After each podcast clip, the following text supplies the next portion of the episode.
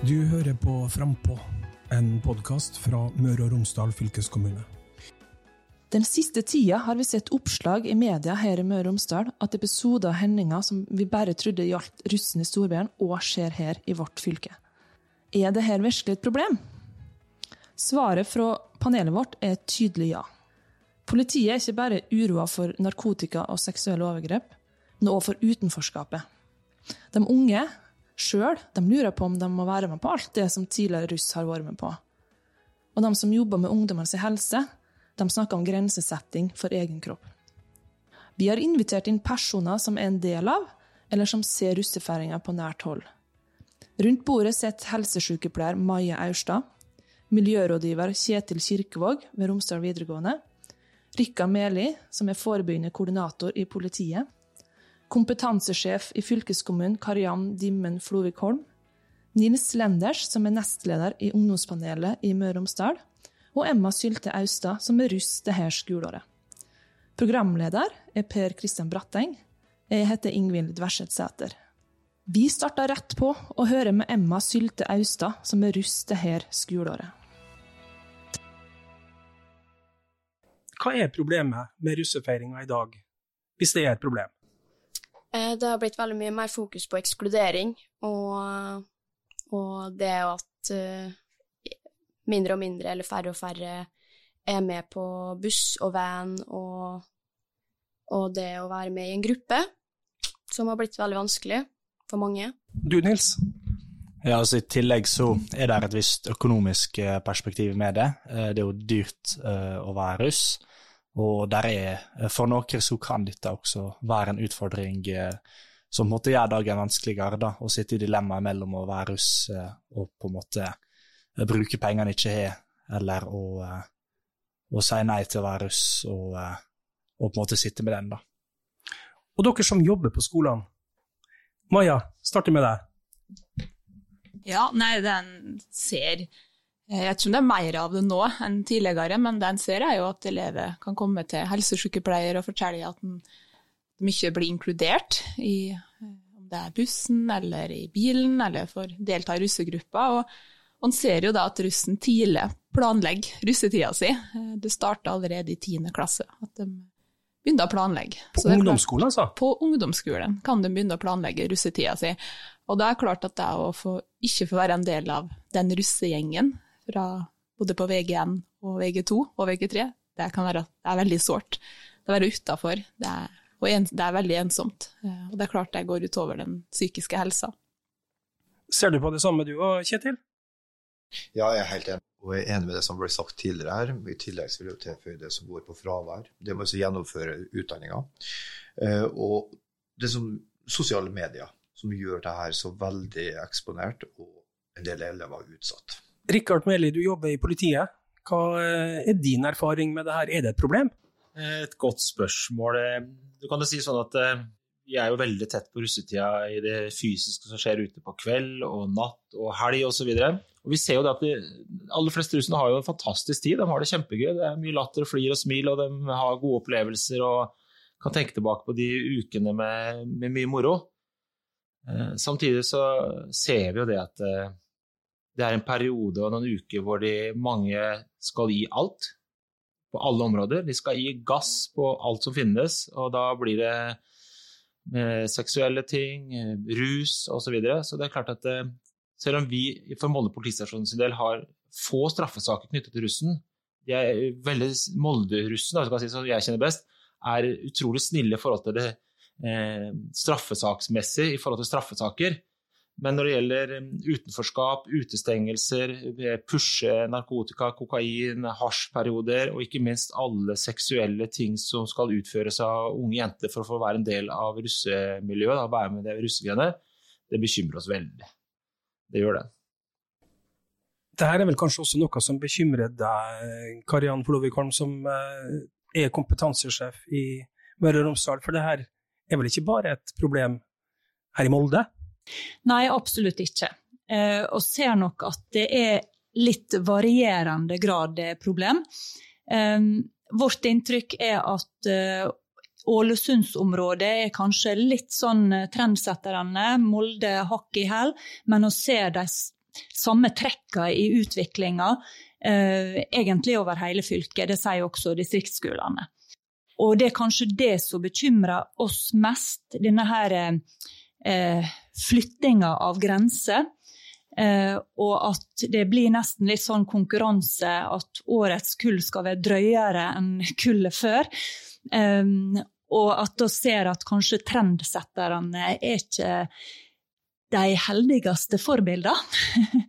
Eh, og at den utviklinga må vi klare å stoppe. For det, er ikke, det vet vi fra kontakter med ungdommene også, at det er ikke sånn en ønsker å ha det. Men en må på en måte bare være med. og da er det så viktig at vi liksom kommer i gang med å få, få satt noen grenser, og at ungdommene sjøl er med på å bestemme hva slags russetid vil de egentlig ha. Emma, ser du eh, det samme som eh, Karianne her ser, at uh, det blir liksom eskalert fra år til år? Ja, det gjør jeg veldig tydelig. Uh, og det er noe av det jeg har lyst til å prøve å slå litt uh, hardere ned på i år, da. Fordi at det har vært veldig drøyt. I hvert fall det jeg har klart å få med meg som litt yngre enn de to de som har vært eldre enn meg nå, da, er jo at jeg får høre ting som skjer, og jeg tenker at jeg har ikke lyst til å delta i en russetid hvor jeg er nødt til å gjøre sånn her foran andre. Og det tror jeg det er flere som tenker at de ikke vil. Um, veldig mange tenker jo at å, dette her er så gøy, det er så gøy å være bedre.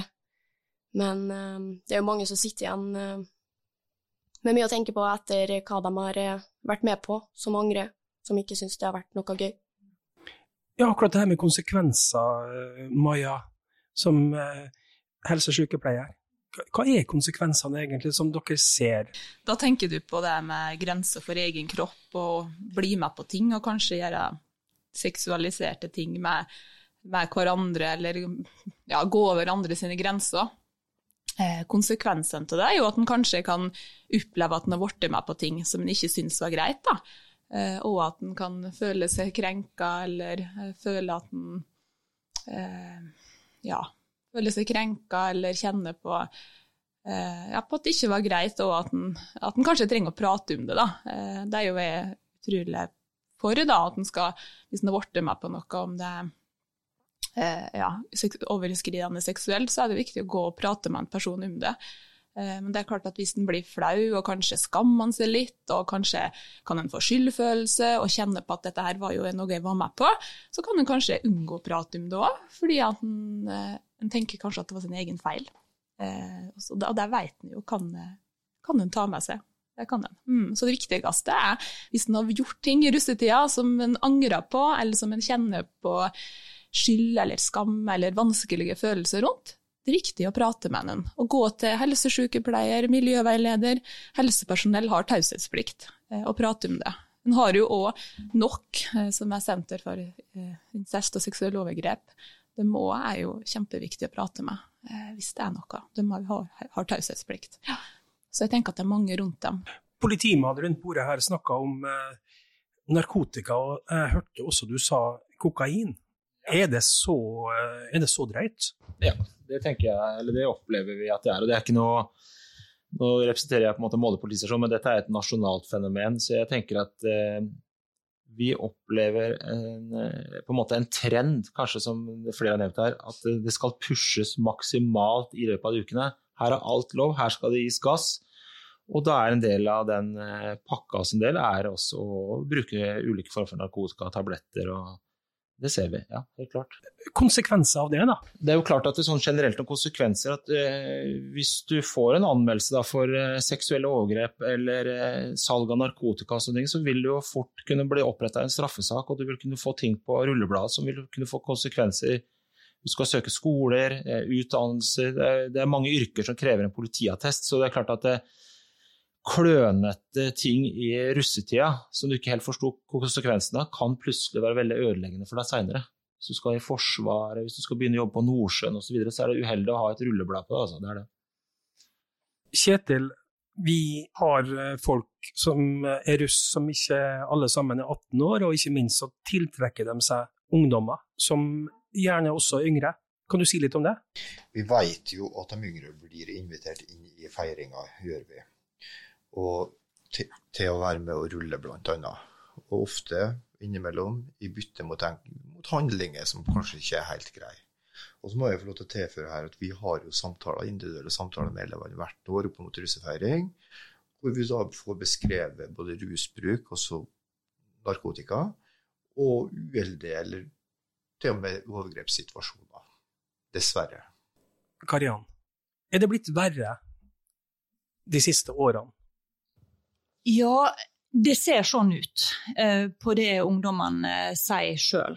Eh, igjen at denne her på en måte konkurransen om å være drøyest, at den i mange tilfeller er tatt av. Og så må en også si at dette her gjelder ikke all russ, selvfølgelig. Altså Russ er like forskjellig som eh, alle oss andre i samfunnet. Så jeg er veldig opptatt av at vi ikke stempler en hel gruppe eh, på dette her. Men her er noen tendenser, og her er noen trendsettere som oss tenker har fått for mye makt eh, i forhold til å lage reglene og til å pushe grensene. Um, og så kan det også være at uh, de siste åra at ungdommene har vært mer åpne. Og det tenker jeg er en kjempepositiv ting. At kanskje har vi fått innsikt i mer av det som har foregått. Så det er ikke sånn jeg tror at sånne ting ikke har skjedd tidligere år. Um, men jeg er veldig glad for at vi får vite litt om hva som foregår. Og det har vært litt vår tanke også nå, at dette her må oss voksne må tørre å høre om det, eller tåle å høre om det, og vi må tørre å snakke om det. Eh, og Derfor har det vært viktig for våre rektorer nå i høst, f.eks. For på foreldremøter, å faktisk fortelle foreldre om hva det er ungdommene der blir utsatt for. Det betyr ikke at alle ungdommer har gjort dette her, men jeg tenker at i mange tilfeller så er det ille nok at de har vært til stede på disse arrangementene og disse festene og sett det som har foregått. Om en ikke har vært med på det sjøl, så kan det gi ille nok eh, minne og eh, skade på, på, ungdommene, bare hva de har vært vitne til. Så jeg tenker at det å, å, vite om det, og det å være åpne med ungdommene, sånn at de har denne her muligheten som Maja snakka om, til å fortelle om hva de ser og hva de opplever, det er kjempeviktig. Men da må vi eh, tåle å høre det også. Men du sa noen har fått makt. Hvem er det som har fått makt her? Det som det ser ut til nå, det er f.eks. Eh, det har vært mye snakk om disse her russerebusene som har tatt av litt uh, enkelte plasser. Um, og der eh, fjorårets eh, vinnere er dommere, eh, og er, setter litt sånn standarden da, for hva som skal gjøres neste året.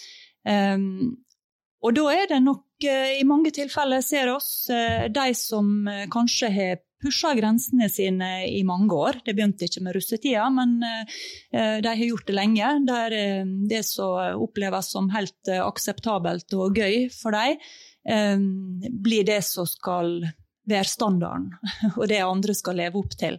Og da blir det hele tida denne litt verre og litt drøyere for hvert år. Og det er ei skummel utvikling. Er det her noe som dere snakker om, eh, Nils, i ungdomspanelet? Det er jo ganske begrensa hvor mye vi snakker om det, siden vi eh, på en måte skal representere all ungdom. Og Russen er jo en relativt liten uh, gruppering av det hele. Men det er en veldig viktig gruppe ungdom, og det er russetida. Det er veldig mye som skjer. Det er veldig viktig i ungdomslivet. Så det er helt klart noe vi kanskje bør uh, snakke mer om. Uh, og det er jo et tema som knytter veldig opp til f.eks. psykisk helse, som vi jobber en del med, da, og andre, andre sånne tema. Emma, blant russ Snakker dere om de utfordringene som vi har prata om så langt rundt bordet her? Eh, ja, innad i min russegruppe så snakker vi veldig mye om hva som er greit og ikke. Vi har regler for eh, eh, hva som eh, Altså, vi har blitt veldig enige om det å ikke Det med rus, da. At det er nulltoleranse for det. Og hvis du utsetter noen i gruppa for det, så, så er ikke det greit i det hele tatt. Og det er noe vi har snakka mye om. Um, og vi har også på en måte ganske lik tankegang om det at du kan være kul, du kan være Altså, du er Du trenger ikke å gjøre ting for at du skal være best, på en måte. Og det er jo mange som blir med på drøye ting fordi at de ikke har en tilhørelse også. Så det blir et sånn gruppepress av det her? Det er jo på en måte det. Samtidig så er det jo veldig mange som Jeg veit egentlig, egentlig, ikke hvorfor den rebusen her har blitt sånn som den har blitt. Jeg syns det er skikkelig dumt. Um, for det er veldig vanskelig å, å, hindre det. Jeg kan ikke gjøre det alene, på en måte. Men, men fortell litt, for oss som ikke uh, har opplevd det, hva er den rebusen her som man snakker om? Uff, ja, hvor skal jeg begynne? Um, nei, det er jo poster uh, rundt om i byen uh, hvor det er dommere som var russ fra året før, og som russen deltar på. hvor de skal gjøre ting som da på en måte har blitt bestemt på forhånd, på en måte, da. Det er en slags konkurranse, da. Du skal jo vinne denne rebusen. Um, jeg vet ikke hvor mye som er greit å si og fortelle, men uh, ja, det er jo alt fra offentlig sex uh, til å bli bæsja på eller spydd på eller Ja. Det er helt vanvittig sinnssykt. Uh, overraskende over at 18-åringer syns dette her er gøy.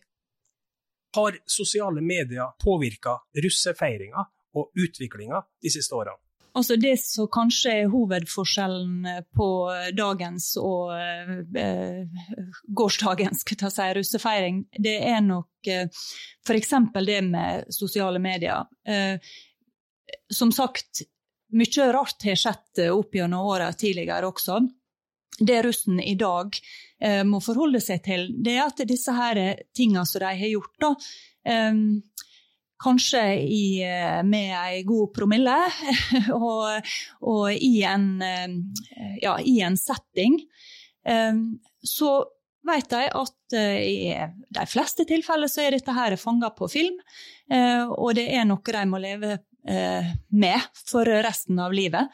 Um, og litt til de konsekvensene som Henrik har snakka om, så, så, er det altså noe som du ikke blir kvitt, og som du har med deg. Um, så det er mange aspekter av dette her. for Det er det ene, altså det at sånne hendelser blir fanga på film. Og så er det selvfølgelig dette her som også var nevnt i starten, med utenforskapet. Altså Hvis du ikke er med på disse her kule festene som ser utrolig artig ut uh, i sosiale medier, og du sitter hjemme da, og er så, så forsterka når det dette her utenforskapet og denne her følelsen av at eh, nå går jeg glipp av ting. Uh, og alle andre har det så gøy, og jeg får ikke være med. I neste del av podkasten skal vi snakke om hvordan vi får ei trygg og inkluderende russefeiring. Skal vi rett og slett avvikle russefeiringa? Nei, sier politimannen. Fjern heller russebussene. De som jobber med ungdom, sier helse, er bekymra for det de ser. Og russen i panelet forteller om hva som skjer på de berykte russerebussene. Jeg tenkte jeg skulle starte med dere, eh, Kjetil og Maja, som er daglig kontakt med ungdommene. Hvordan kan russetida bli trygg og inkluderende? Det er et stort spørsmål, og jeg tenker jo at her er det mange rundt russen. Som, eh, du har jo skolen, en sosial, stor sosial arena. Eh, du har lærere, du har mange voksne her som ser russen hver dag. Og det må nesten starte der. Hvem er det som bryr seg om russen? Hvem er det som ser dem hver dag? Det har alt å si for tryggheten deres. At det er voksne rundt dem som ser, og som spør og lurer på hvordan de har det. Eh, og de vet at de kan komme til hvis det skjer noe. Men spør vi voksne nok om det? Det tror jeg. Jeg tror vi er gode på å spørre, ja. Men, vi må, vi, men som sagt tidligere, vi må tåle å høre når ting ikke er bra. Og vi vil ha tida til å høre når ting ikke er bra. Eh, og det er klart at da da er det lettere å få gode eller svar som stemmer. da. Og så må vi ikke gi oss, vi må spørre en gang til. Hvis vi ser at eleven ikke har det bra, hvis vi ser at det er noen som forandrer, forandrer personlighet, forandrer seg, som, som, der vi ser at her kan det være mer. Vi må tenke stort. Eh, hva kan, være, hva kan ha skjedd her? Eh, jeg tror vi må starte der. Eh, og så ser jeg bl.a. òg at dette med foreldreinvolveringa. Jeg tror foreldre må mer på banen når det gjelder russen. Og ikke minst, det har jo vært prat om at ungdom fra VGN eh, deltar i russefeiringa, og dermed foreldre på banen eh, og bry seg. Og det er klart at det er for sent å begynne å prate med ungdommen sin om grenser for egen kropp når de er 16 år. De må starte tidlig hvis en skal forebygge forebygge det, så må man starte tidlig. Kanskje de må starte allerede når de begynner på barneskolen, når de er små. Til tidligere, til bedre. Hva er greit? Hva er greit at andre kan gjøre med kroppen din, eh, og hva er ikke greit? Eh, og du må stole på at de valgene du tar, det er det som er rett for deg. Så det er klart at det er mange ting en kan gjøre her. Og så tenker jeg at Vi skal ikke være redde her for å utfordre foreldre, for de må på banen. Altfor ofte så møter vi Vi har jo mye samtaler med elevene eh, fordi at vi er kjempenysgjerrige, og vi gir oss ikke. Og dere, holder på å si, men dere er jo befriende ærlige ofte og sier ting som de er med og så og sånne ting. Og vi, vi, prøver å ta det imot på en god måte. Noen ganger så må vi koble på eksterne. Eh, andre ganger så er det noe som vi tar, prøver å finne en løsning på der og da. Men det som da skjer i de tilfellene hvor vi da snakker med, med foreldre, foresatte, så får vi det svaret at ja, men det der gjelder ikke min datter, min sønn. Jo, det gjør det. Svært ofte. Litt naive foreldre? Litt naive, innimellom veldig naive. Var det en fin måte å si det på? I tillegg så tenker jeg at foreldre må på banen i russetida. Eh, altså de bryr seg med ungdommen, men òg altså, eh, ha en dialog, da. Og finne ut hvor er det jeg kan hjelpe hen. Sant? Er det da å samle gjengen til pizza i kveld? Eh, er det da å hente fra fest? Eh, er det det å Altså, hva er det de trenger? Sant? Ungdommen trenger mye. Eh, og de trenger også kanskje at en kjenner litt gjengen, da. Blir ikke litt kjent med dem. Eh, for er det ikke min egen ungdom som har det vanskelig og som har blitt for full, så er det kanskje kompisen. Og det å ha en forelder å ringe til da, det er kjempeviktig. Ja. Eh, sånn at det, det er mange måter å bry seg på. Mm. Uten å være for på. Mm. Jeg er altså veldig enig i det som er blitt sagt, og det en også skal huske på, er at de problemene en har under rusttida, er i stor grad også problemene en har utenfor rusttida, bare at i rusttida blir de forsterka.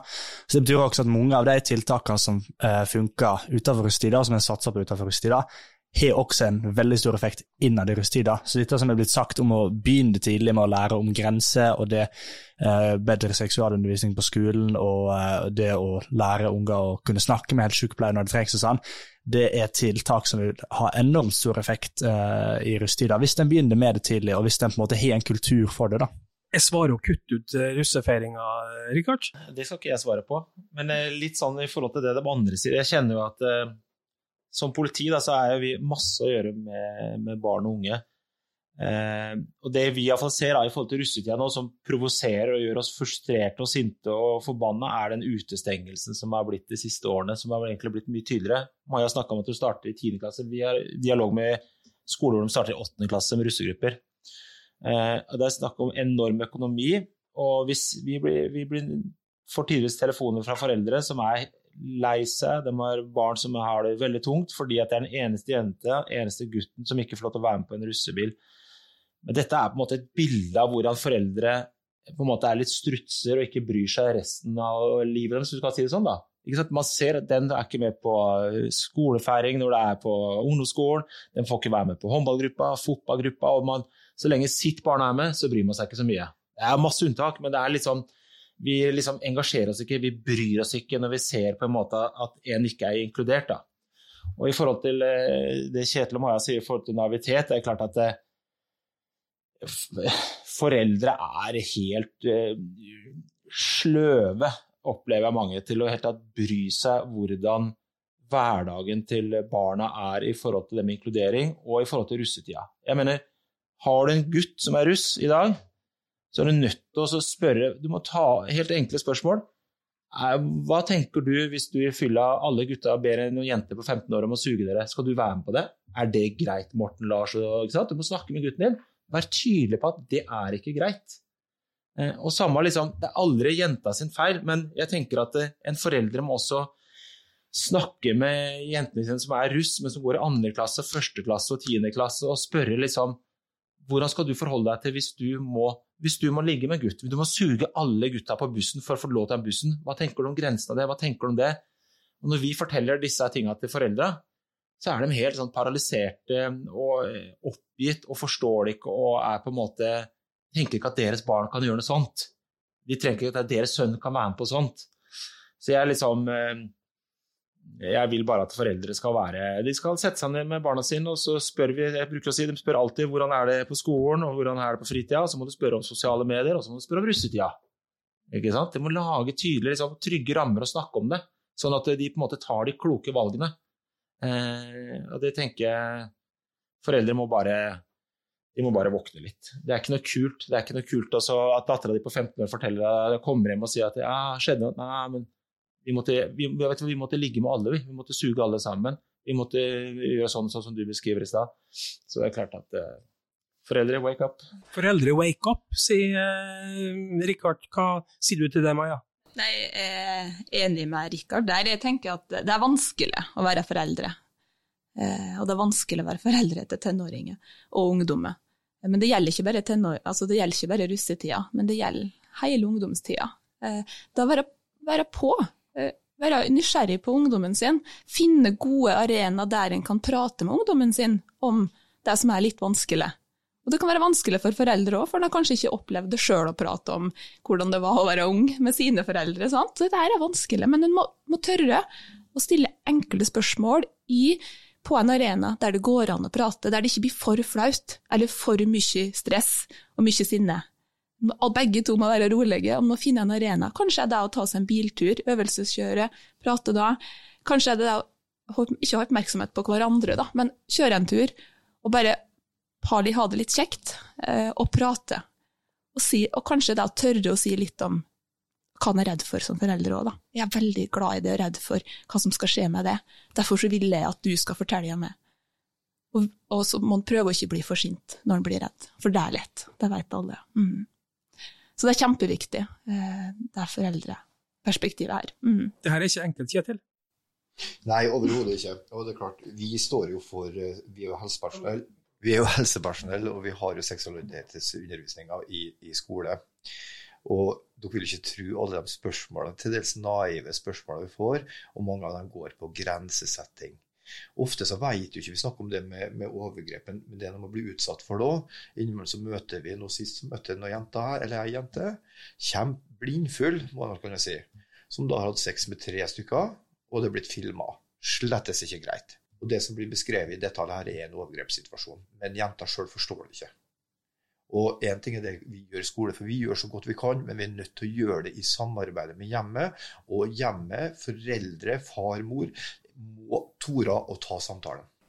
Hva er skolen sitt ansvar oppi det her, Karian?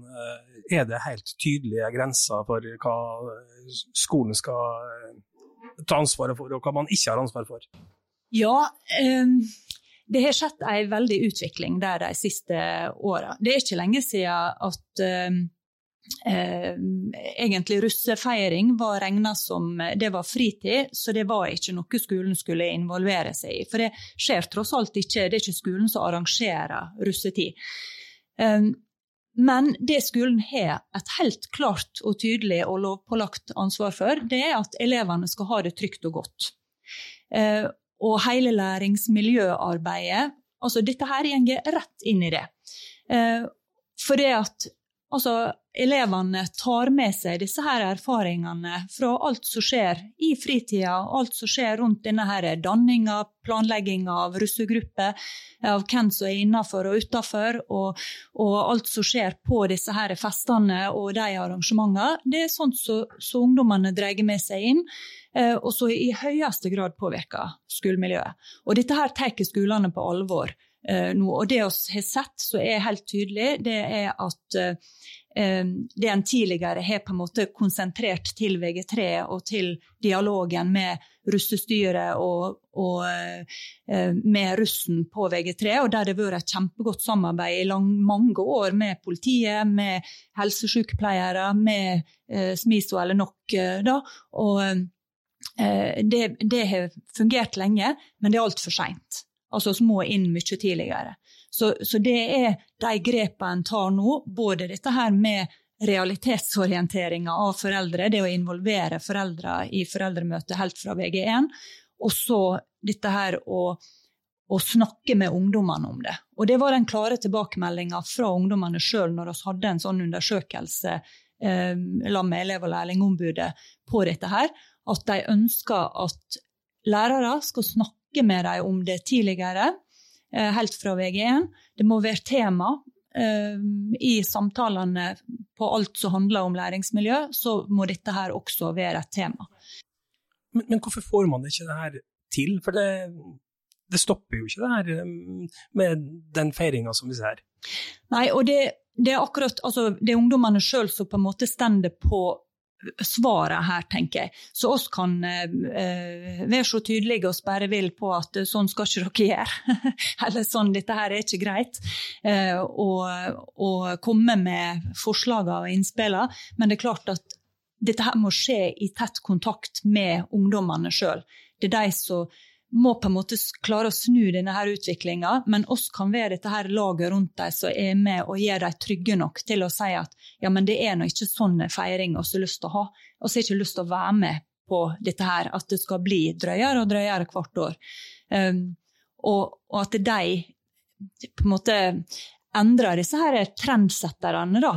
Uh, og hvem som har makt i å liksom eh, si hvordan russefeiringa skal være. Det er der det må skje en utvikling, og det er det vi står midt oppi nå da, og prøver å få til sammen med ungdommene.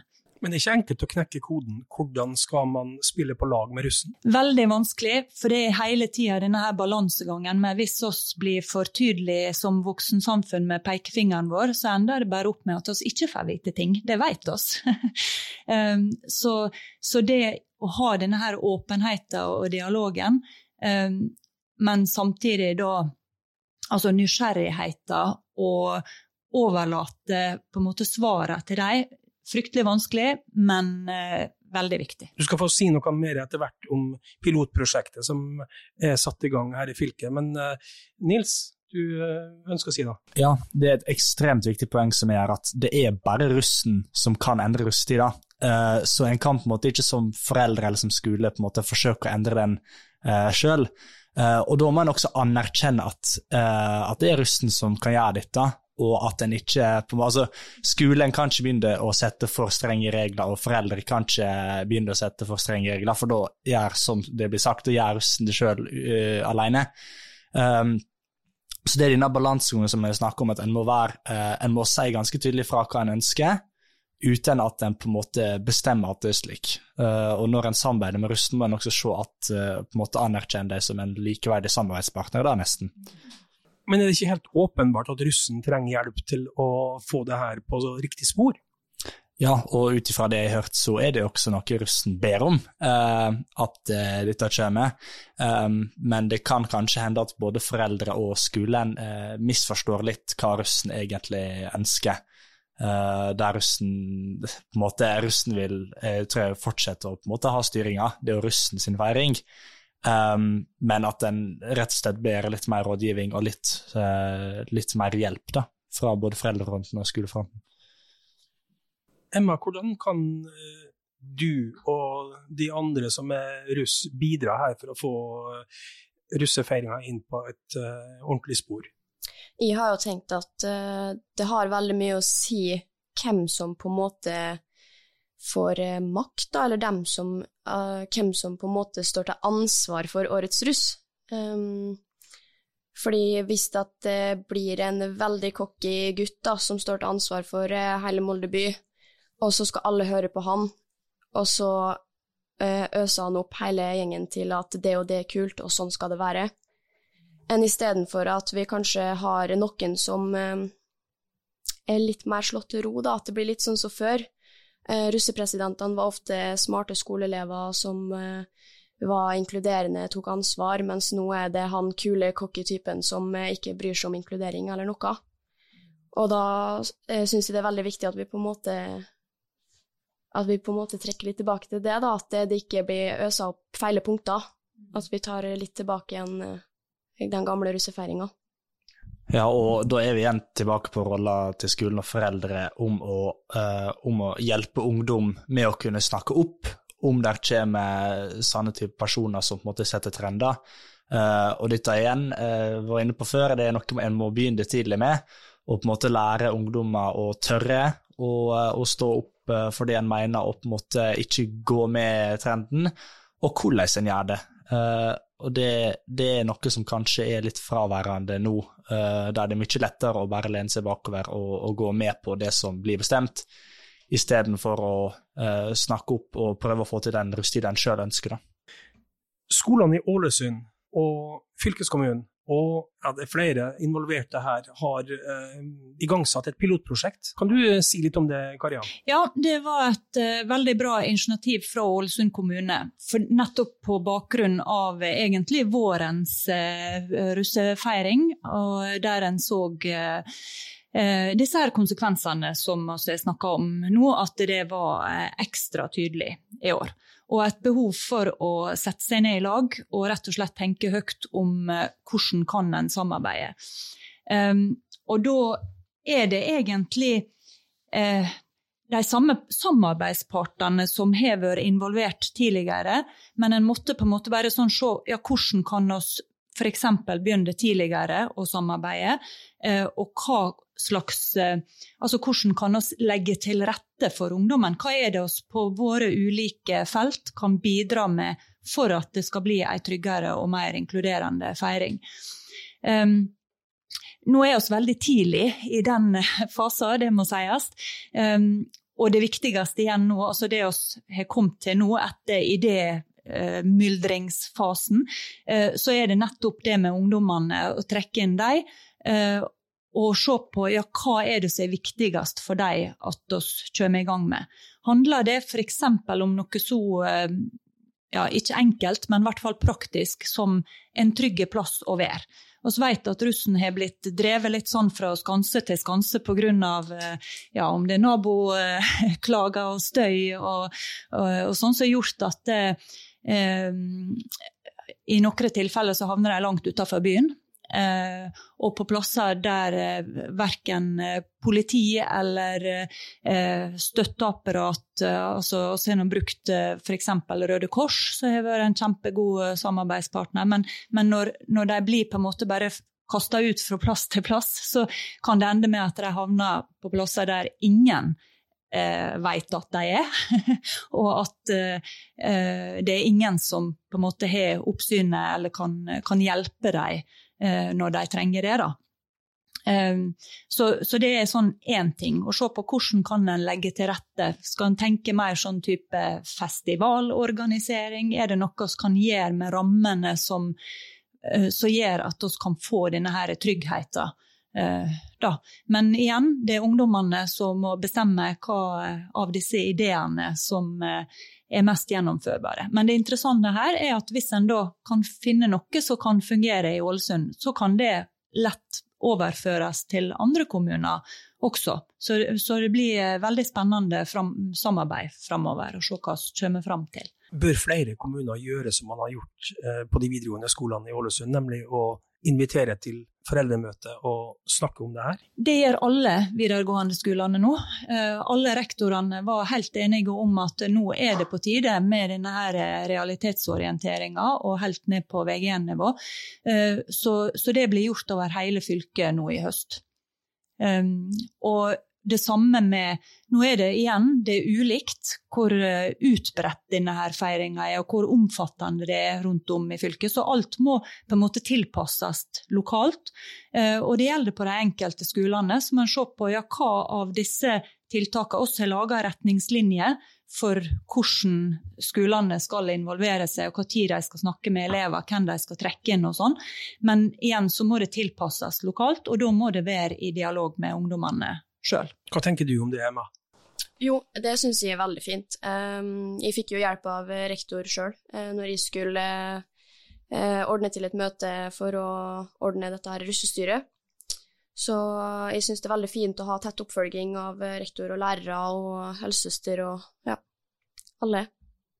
Viken fylkeskommune gjennomfører et prosjekt for å motvirke kjøpepress og utenforskap blant russen. De eh, forsøker å sørge for at alle er inkludert, uansett kulturell bakgrunn eller størrelsen på lommeboka. De ber alle bidra til at det blir en god og minnerik opplevelse for alle som deltar. Er det en etter mal fra Viken, eller hva er det man jobber med i Møre og Romsdal fylkeskommune? Ja, og så sett på eh, både det, men, men dette her er noe noen av våre skoler har jobba med lenge. Atlanten videregående i Kristiansund f.eks. Eh, har hatt veldig fokus på dette her med inkluderende russetid eh, over mange år. Eh, og der det er f.eks. et sånt enkelt grep som felles russegenser for alle på skolen og til kostpris, sånn at det er tilgjengelig for alle, og på en måte tone ned denne her ja, uh, russegruppementaliteten som har uh, blitt mye mer de siste åra. At uh, det skal være en felles avgangsfeiring, rett og slett, for alle. Um, og der en også har hatt arrangement som da Altså det blir gjort avtale med russen, og, og arrangement som, som, da skal være åpne og inkluderende for alle. Og til gjengjeld så får de f.eks. bruke noe av skolens lokaler eller sånne ting. Og det er sånn som Eh, det er brukt som utgangspunkt også for andre skolene, og som mange nå tar etter eh, på, på, dette der. Men igjen med en tilpassing til hva en trenger på egen skole. Da. Hvordan jobber dere på Romsdal videregående skole med den problemstillinga her? Ja, jeg, jeg som helsesykepleier kan prate litt for, eh, for hva som gjør. Sånn, vi bruker jo å ha undervisning en dag eller en bolk til avgangseleven og russen. Eh, sammen da er det helsesykepleier nok, eh, det er politiet, eh, overgrepsmottaket har vært der. Eh, eh, og, vi, og, da har vi brukt, og fokuset da har jo vært på det eh, hvordan skal vi på en måte få eleven til å ta gode valg i den tida da, som de er i møte med. Og for helsesykepleiere da, så handler det mye om det helseperspektivet da, når en er russ, og hvilke utfordringer en kan møte på der. Eh, dette med å tenke, tenke, litt over dette med grenser for egen kropp. Hva, hva valg er det som er lurt å ta eh, hvis en ikke vil bli med på ting? Eh, dette med å i forhold til seksualitet, teste seg for kjønnssykdommer. En vet jo da at det er mange ting som, inn, som kan skje når en begynner å ha sex. Eh, og så er det jo dette med å tenke over når en da er russ og er mye sosiale sammenhenger, så er det jo lurt å tenke på dette med eh, at en kan bli smitta. En vet bl.a. at dette med smittsom hjernehinnebetennelse eh, er jo noe vi prater mye om eh, til russen.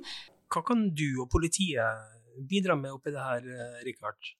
Vi opplever at vi har et utrolig godt forhold til russen. Vi, vi, har en kjempegod dialog med russen. Vi oppretter alltid en egen gruppe på Messenger som vi har med russen. Eh, alle russen får vårt telefonnummer til meg og Terje og Eirik. De kan ringe oss 24-7 året rundt. De kan ta alltid kontakt med oss. Vi svarer alltid. Så vi føler liksom at vi har en veldig sånn god dialog med russen når det ting oppstår, det er ting de vil informere oss om. Det kan være alt fra et arrangement til at det har oppstått en trusselsituasjon, det har oppstått noe støy, det er ting de trenger hjelp til. Så liksom, vi, vi, har på en måte sånn, vi bryr oss veldig om russen, vi har, og vi vil at de skal ha en god opplevelse. Så vi, vi har en fin dialog med dem. Vi gjør det. Det er det absolutt. Men det er litt sånn der, i forhold til russetida så jeg er litt sånn For Molde sin del så syns jeg det, har blitt sånn økt voldsomt knytta til russebussene. Det er blitt liksom sånn helt annen kultur. Det er liksom den der, Nå er det liksom bare en sånn breial kjekkaskultur som har liksom kommet opp, da. Så i, min politidrømmeverden så skulle russebusser vært ulovlig i Norge. Ferdig. Det hadde, det hadde redusert uh, behov for denne podkasten nesten. Det, liksom, det skaper mye dritt, altså liksom den der kulturen for å få lov til å være med på russebuss. Bare det at det, det koster helt hinsides, ikke sant? Det er klart det presset da at du kanskje må ut med 100 200 000 per russ bare for å få lov til å være med på en russebuss. Så det er klart at det, det trøkket det skaper mot folk som ikke har muligheten til å være med økonomisk, kanskje ikke har tilgang til økonomi gjennom foreldre. Så eh, nei, jeg tenker at uh, den som har muligheten til å si at russebusser dem uh, parkerer vi for godt i Norge, det hadde vært gull. Ja, jeg skjønner tankegangen der, men uh, uh, det har jo blitt sånn at det er veldig mange busser i Molde i år. Uh, jeg vet ikke om det er tre eller fire. men Og jeg tenker jo at det er russen sjøl som bestemmer hvor mye penger de vil legge inn i det her. og når de da får til grupper på nesten 30 gutter, så vil jeg ikke si at guttene er så veldig ekskluderende. jeg føler det blant jentene, fordi vi kanskje ikke går like langt da, som guttene, og vi bruker ikke like mye penger fordi vi har lyst til å spare. Jeg vet ikke om det på en måte er mer fornuftig, men det blir på en måte vanskeligere eh, å fullstappe en van enn det blir å fylle opp en buss. Eh, for guttene kan jo ta med seg folk, eh, og det òg blir jo på en måte litt inkluderende, det òg. Problemet med sånn inkludering og sånn nå, det er at russen har ikke noe plass å være. Vi, hadde, vi har alltid hatt Retiro, eh, men det året vi, altså russen ikke fikk ha Retiro lenger, så blei bare folk bedt om å holde seg langt unna fordi russen var gæren. Og siden det har ikke russen hatt Retiro, har, eller de har oppholdt seg på Bilbyen, hvor biler står og skal bli solgt, eller det er bilene til andre, og, og, der er det liksom greit å være, men på Retiro, hvor de alltid har vært, er det liksom ikke lov, og Retiro er så sentralt for alle. Hvis du er vandrerust da, og ikke har venn eller gruppe, så kan du stille opp der du kan komme, alle kan være der. Men er det, er det på Bilbyen eller på Mordalsvågen, liksom? Det er ingen som kommer seg dit med buss. Det er ingen som klarer å henge på. Og Derfor syns jeg det er så viktig at russen har en felles plass, da, og det har vi ikke lenger. Og det er derfor bussene også blir så nedlatende eller så dum, fordi at de kjører jo bare rundt i bussene. Men det er litt sånn som det du nevnte med pilotprosjekt for Ålesund. Jeg føler liksom egentlig at den type arbeid som dere gjør, har vi egentlig gjort i mange år. Vi har møter med kommuner i forkant, vi har masse møter med russen, vi har en dialog om forskjellige ting. Så for oss da i politiet, så vi har jo sagt at dere får lov til å være hvor dere vil. Det kan være hvor dere vil når som helst, så lenge det får lov av grunneieren, og så lenge det på en måte forholder dere til støybestemmelsene. ikke sant? Men kom til oss, kom med noen forslag om hvor det skal være, ha en dialog med oss, snakk med grunneiere. Nå blir det litt sånn Molde spesielt, men det er nok av bra steder hvor dere kan være. Men dere må ha en dialog med primært grunneier og spørre. ikke sant? Og kommunen her er jo flink, de stiller opp med konteinere og søppelbøtter og spader og alt. Det er veldig mange som legger til rette for at dere skal ha en kul og bra russetid. Så dere må bare, bare være litt frampå send oss en liten mail etter oss, så skal, der kan vi få være der, så skal vi få til det. Det gjør vi jo. Bare kutt ut russebussen. ja, nei, også, Hvis det, det, å kutte ut russebuss handler om ekskludering, så vet jeg heller ikke hvor stor den effekten er, fordi en vil nå ha en ekskludering uten busser også. Eh, det at, eh, det at ungdom grupperer seg, eller mennesker grupperer seg, det er jo, det er viss, det er relativt normalt, på en måte. Um, så jeg tror at da er det heller andre tiltak som må i gang enn å fjerne busser, for det betyr bare at folk eh, får seg i gruppe uten at andre får være med. Det som vi opplever litt, altså, det som gjør nesten vondest som politi, er den ekskluderinga. Den er ganske fæl å være en del er, jeg er helt enig med deg, det er ikke egentlig gutta, det er jentene. Jeg skulle ønske at foreldre som hører på det, som har nå barn som går i første og andre klasse på videregående, spør allerede nå hvem er med på, hvem er med på russegruppa. Hvorfor er ikke Trine med? Hvorfor er ikke den med, er ikke den med? At man på en måte allerede nå spør. For den der, å se den fortvilelsen til den 16-17-åringen foreldra, at den ene jenta ikke får være med, det er brutalt, altså. Det er det. Der har vi foreldre litt ansvar. Jeg er litt, litt spent på hva, hva, dere gjør konkret på, på Romsdal med å skape en trygg og inkluderende russetid? Jeg tenker det er å være før, være tidlig ute her, da. Eh, planlegge godt i god tid før eh, russefeiringa kommer, og være på hele tida som voksne. Vi voksne rundt, da, både skole, politi, helsesykepleiere. Vi vi må være på. Vi må være på rett før russetida òg. Så det er i hvert fall mitt, eh, mitt inntrykk etter fjoråret. At en, at en er på med både informasjon og har en god dialog med russestyret. Eh, for å sikre at det er noen sånne trygge rammer her. Da. Eh, for en vet jo at eh, som ungdom så tenker en jo litt annerledes. Jeg tenker ikke så langt fram i tid alltid, og planlegger ikke alltid like godt. Det, og dem der gjør vi voksne, da. Det er vi gode på. Stort sett. Stort sett. Men det er klart, det ofte, det, ting skal ofte skje dagen etter at en har funnet ut når en er ungdom, sant? at en er litt sånn impulsiv. Så for min sin del, da å ha en helsesykepleier som er noen lavterskeltilbud, og komme til når, når du trenger det. Fordi at i morgen så er det kanskje ikke så viktig, men det er nå jeg har tida, og da må vi være der.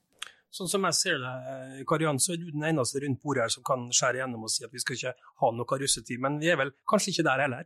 Ikke i det hele tatt. Der er null makt. For det, igjen, det er ungdommen som bestemmer. Det, egen, altså det skjer ikke i regi av skolen nå heller.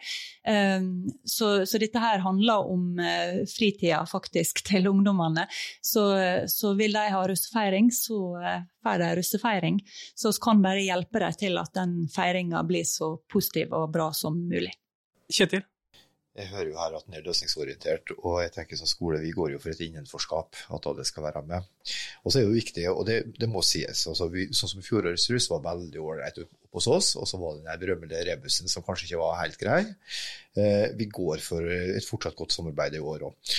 Men eh, la oss være så snill slippe å ha flere elever på kontoret vårt som sitter og så skriker og er fortvila og lei seg fordi de ikke får lov til å være med på, på buss og i gruppa. Vær snill med hverandre. Vær snill med hverandre, det er et godt, uh, godt råd. Kariann? Ja, og det er det som er viktig da. Altså, Vi jobber for en inkluderende russetid, men da må det være en trygg og god tid å inkludere dem i.